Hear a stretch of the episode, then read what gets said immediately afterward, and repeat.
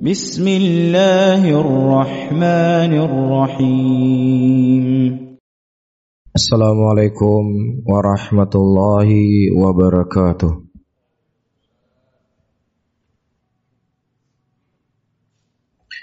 إن الحمد لله نحمده تعالى ونستعينه ونستغفره ونعوذ بالله من شرور أنفسنا ومن سيئات أعمالنا من يهد الله فلا مضل له ومن يضلله فلا هادي له. أشهد أن لا إله إلا الله وحده لا شريك له إقرارا به وتوحيدا.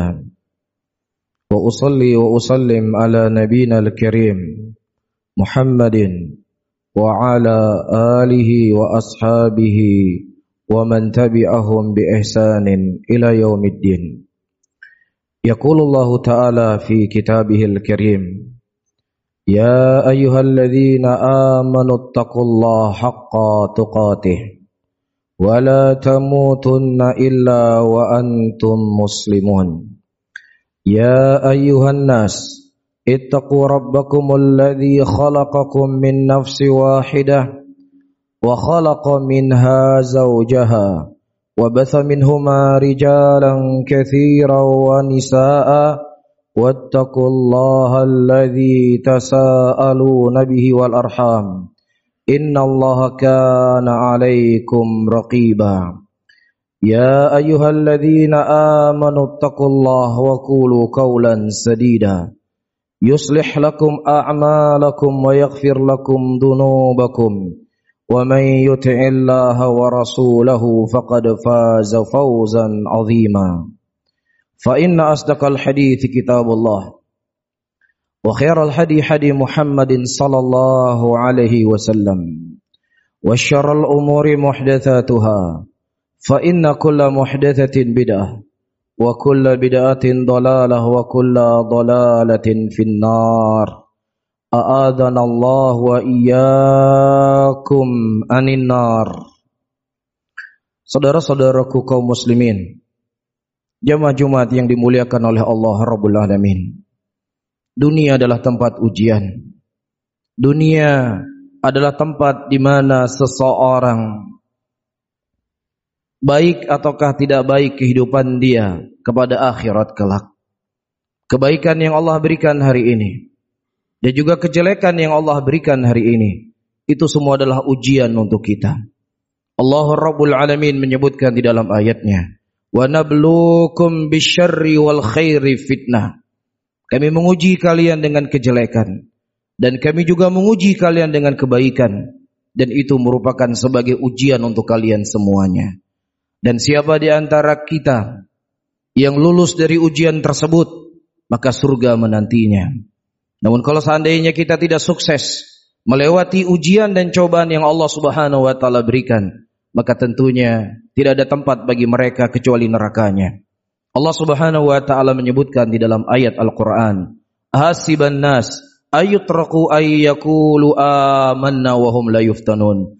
Walaqad fatanna alladhina min qablihim falya'lamanna Allahu alladhina sadaqu wa li'lamanna al-kadhibin. Apakah manusia mereka menyangka mengucapkan kalimat keimanan begitu saja.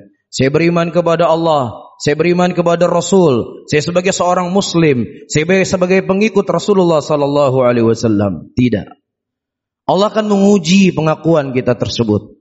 Allah akan coba pengakuan tersebut.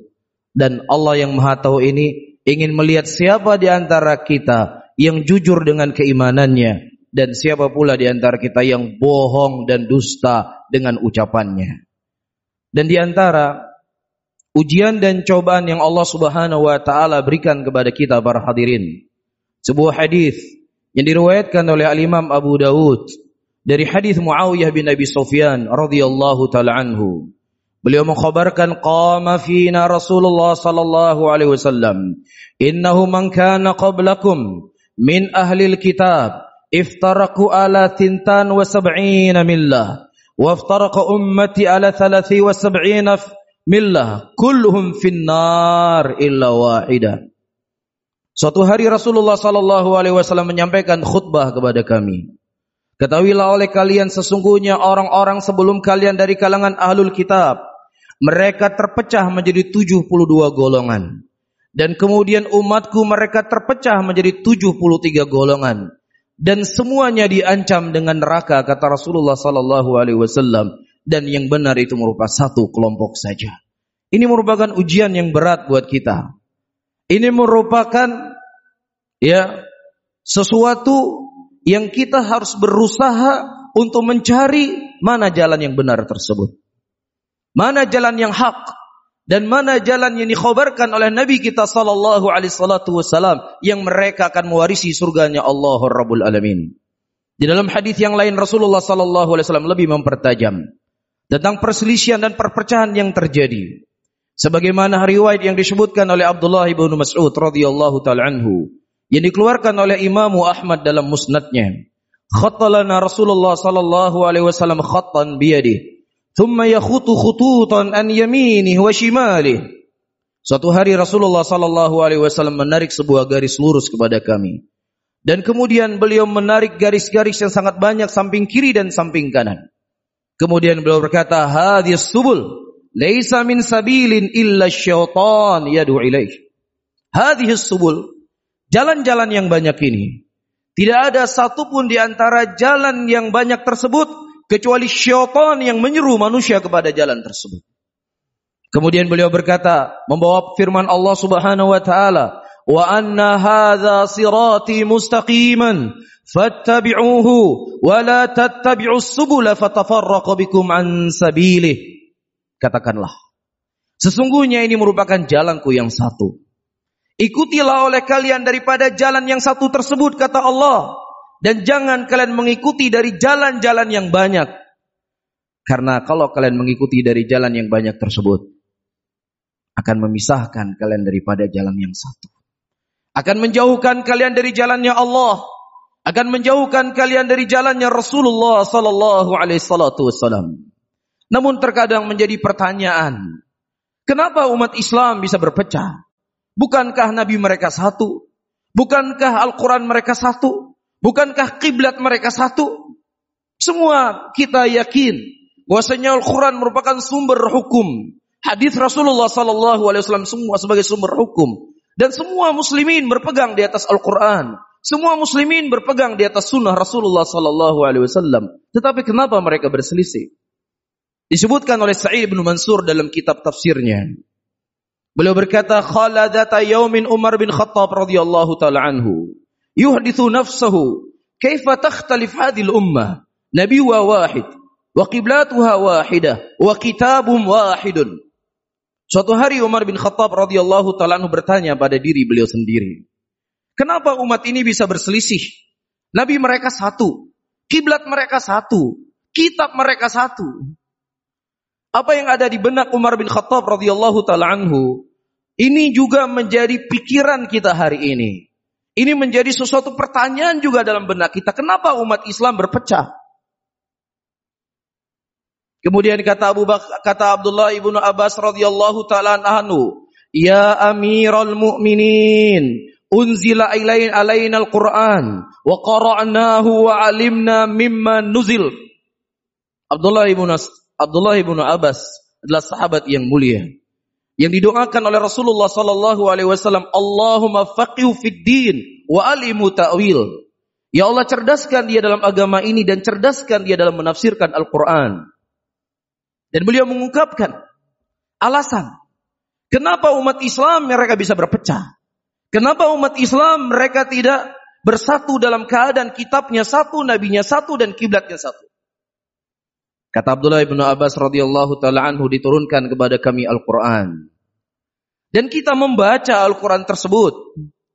Dan kita mengetahui apa maksud dan tujuan diturunkan ayat Al-Qur'an tersebut. Karena mereka menyaksikan langsung bagaimana Rasulullah menafsirkan Al-Qur'an. Mereka melihat langsung bagaimana Rasulullah mempraktekkan isi dari kandungan Al-Qur'an. ثم جاء بعدنا أقوام يقرؤون القرآن ولا يدرين مما نزل wa likulli qaumin ra'yun wa idza kana fim ra'yun ikhtalafu wa idza ikhtalafu iqtatalu Kata Abdullah ibnu Abbas kemudian datang kepada kita setelah kita kaum yang mereka membaca Al-Quran seperti kita baca. Gak ada bedanya. Tajwidnya sama, idghamnya sama, iklabnya sama, urutan ayatnya semua sama. Walakin la yadri mimma nuzil. Akan tetapi mereka enggak fah, tidak faham. Untuk apa ayat ini diturunkan? Mereka menggunakan akal dan logika-logika mereka untuk memahami Al-Quran untuk memahami kitabullah. Oleh karena itu kita melihat orang-orang liberal yang mereka menyeru bahwasannya semua agama sama. Tidak ada perbedaan di antara Islam dengan Kristen. Mereka juga membawa ayat Al-Quran. Mereka juga membawa hadis Rasulullah untuk membenarkan keyakinan mereka. Begitu juga kelompok yang mereka mengkafirkan sahabat Rasulullah, yang mereka menghina istri-istri Nabi Muhammad sallallahu alaihi wassalam. Ternyata mereka juga menggunakan ayat Al-Qur'an untuk mengkafirkan sahabat Rasulullah. Mereka menggunakan ayat Al-Qur'an untuk menghina istri-istri Nabi Muhammad sallallahu alaihi wassalam. Ada satu prinsip yang dilupakan oleh muslimin dan prinsip inilah sebenarnya akan menyatukan mereka di atas satu barisan. Prinsip inilah sebenarnya yang akan mengumpulkan mereka di atas manhaj, di atas metode, di atas jalan sebagaimana jalan yang telah ditentu digariskan oleh Nabi sallallahu alaihi wasallam. Irbad ibnu Sariyah radhiyallahu taala sahabiyun jalil. Sebagaimana dikeluarkan oleh Al-Imam Abu Daud dalam sunannya. Rasulullah sallallahu alaihi wasallam menyebutkan dalam hadisnya, فإنهم من يعش منكم فسيرى اختلافا كثيرا فعليكم بسنتي وسنة الخلفاء الراشدين المهديين تمسكوا عليها بالنواجذ وإياكم ومحدثات الأمور فإن كل محدثة بدعة وكل بدعة ضلالة نبينا الكريم Muhammad sallallahu alaihi salatu wassalam memberikan wasiat kepada kita sebuah wasiat yang sangat besar Sebuah wasiat yang sangat agung. Siapa yang memegang wasiat beliau maka dia akan selamat. Dan siapa yang seseorang melepaskan dirinya dari wasiatnya Rasulullah Sallallahu Alaihi Wasallam maka dia akan binasa dan celaka. Sesungguhnya kata Rasulullah, kalian akan melihat perselisihan yang sangat banyak setelah meninggalnya aku. Iya, ini adalah berita dari tanda-tanda kerasulan Nabi Muhammad Sallallahu Alaihi Wasallam. Dan Rasulullah tidak hanya menakut-nakuti umatnya. Bahwasannya akan terjadi perselisihan dan pertikaian yang sangat banyak. Tetapi Nabi kita Shallallahu Alaihi Wasallam memberikan jalan keluar untuk kita semuanya.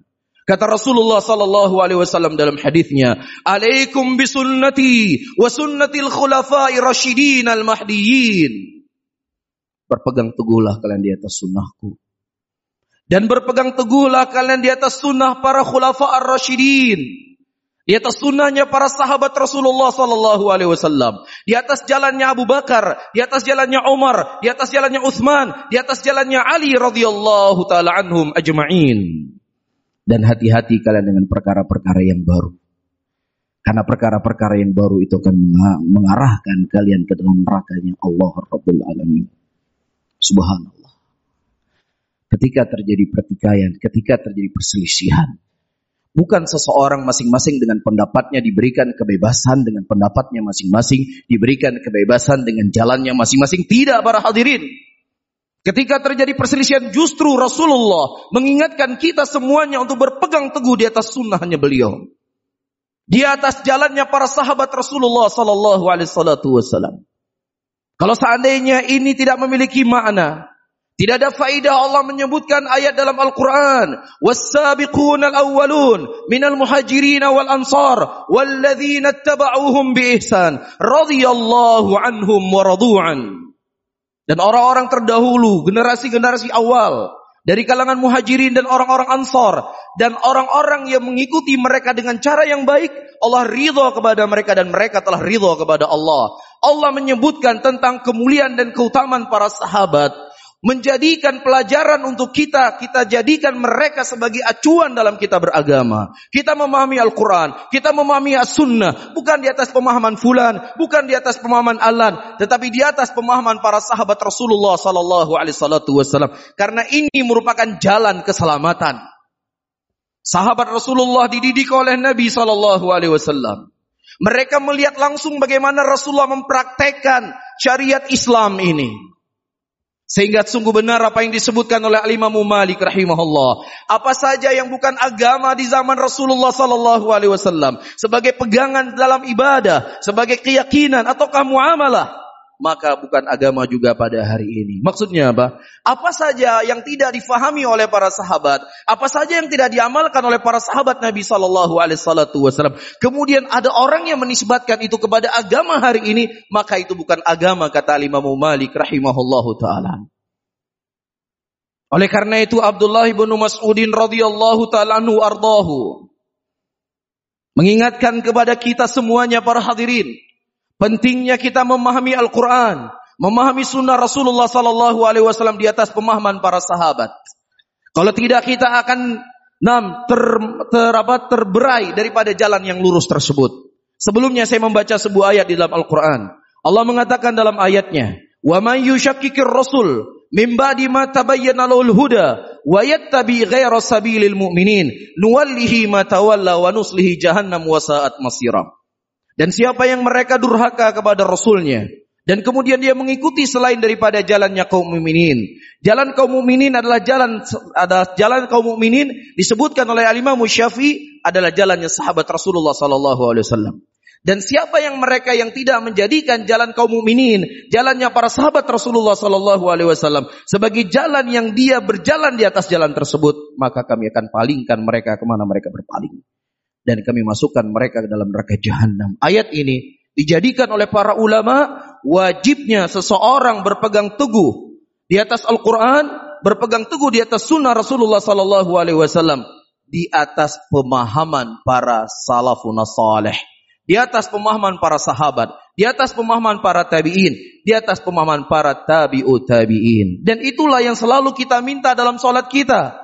Ihdinas siratal mustaqim, siratal ladzina an'amta alaihim, ghairil maghdubi alaihim waladdallin. Ya Allah tunjukilah kami kepada jalan yang lurus. Jalan orang-orang yang telah Engkau berikan nikmat kepada mereka. Siapa itu? As-siddiqin, as-nabiyyin, as-siddiqin, as-salihin, as-syuhada. Empat generasi, empat jenis manusia. Pertama para nabi. Kemudian as-siddiqin. As-siddiq di sini adalah Abu Bakar as-siddiq. Di antara maknanya. Kemudian asyuhada. Asyuhada di antaranya Umar bin Khattab. Keempat as-salihin itu orang-orang soleh yang mengikuti daripada jalan tersebut. Iya. Jadi ketika kita meminta, ya Allah tunjukilah aku kepada jalan yang lurus. Yaitu jalan-jalan orang-orang yang telah diberikan nikmat oleh Allah subhanahu wa ta'ala dari empat jenis manusia ini. Faham? Ya, dari empat jenis manusia ini. Nah, kalau kita memilih selain daripada jalannya mereka, kita akan dipastikan akan tersesat daripada jalan yang lurus. Tidak cukup seseorang menjadikan Al-Quran saja. Tidak cukup seseorang menjadikan hadis Rasulullah sebagai pegangan. Ya, yang kemudian Al-Quran dan hadis difahami dengan logikanya. Difahami dengan akalnya. Tidak dikembalikan kepada ulama.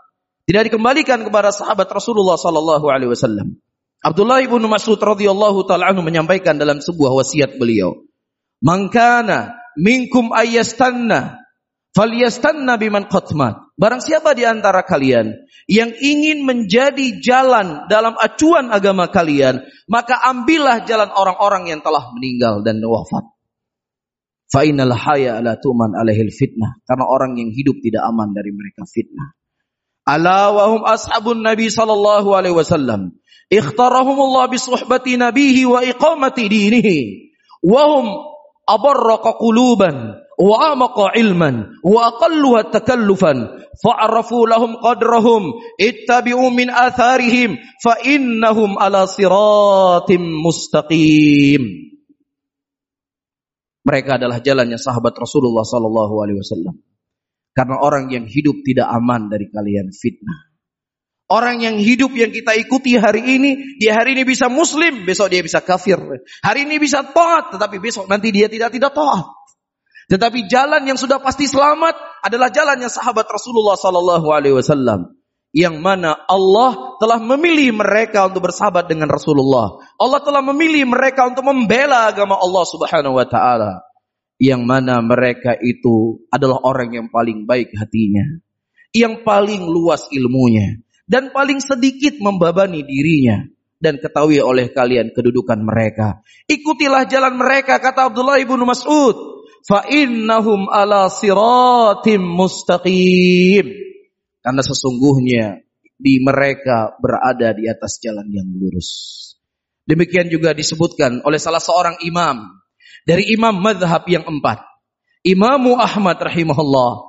Beliau berkata usul sunnah indana Tamasuk bimakana alaihi ashabu Rasulullah sallallahu alaihi wasallam. Pondasi agama di sisi kami di dalam memahami Al-Qur'an, di dalam memahami sunnah Rasulullah sallallahu alaihi wasallam, dalam memahami agama ini sebagaimana yang telah datang dari sahabat Rasulullah sallallahu alaihi wasallam. Ini merupakan sebuah kaidah yang ma'ruf di kalangan para ulama terdahulu terkhusus dari imam madhab yang empat. Barakallahu li wa fil Qur'anil azim ونفعني وإياكم بما فيه من الآيات وذكر الحكيم. فتقبل الله مني ومنكم إنه سميع عليم.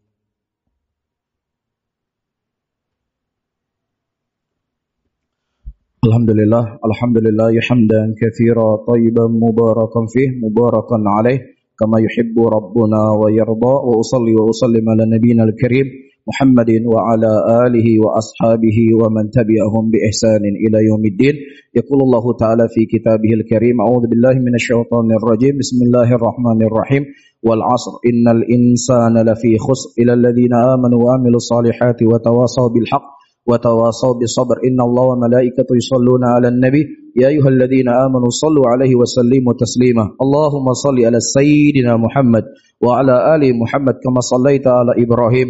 إنك حميد مجيد. اللهم اغفر للمسلمين والمسلمات والمؤمنين والمؤمنات الأحياء والأموات. ربنا آتنا في الدنيا حسنة وفي الآخرة حسنة وقنا عذاب النار. أخر دعوانا وأقيموا الصلاة